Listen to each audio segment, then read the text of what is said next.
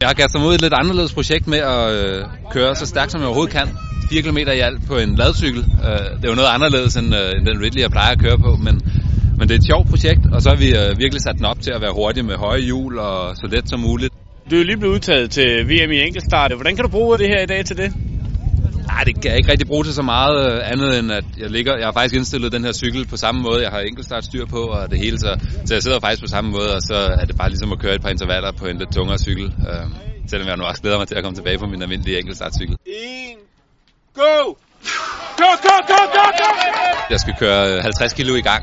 Øh, normalt så plejer jeg at køre en cykel på 7-8 kilo i gang. Øh, så, så det at skulle få den i gang, det kommer til at blive rigtig, rigtig hårdt. Øh, og så vil jeg jo bare træde så meget jeg kan, og så håber jeg, jeg kan få den op i fart. Når jeg er oppe i fart, så tror jeg ikke, det er noget problem. Go! Kom så, Kvarne, kom nu!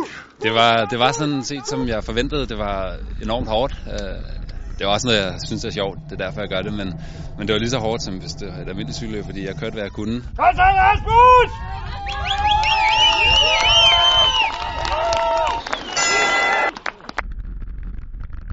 Vi har en gennemsnitstid, der hedder 2 minutter, 50 sekunder, 35.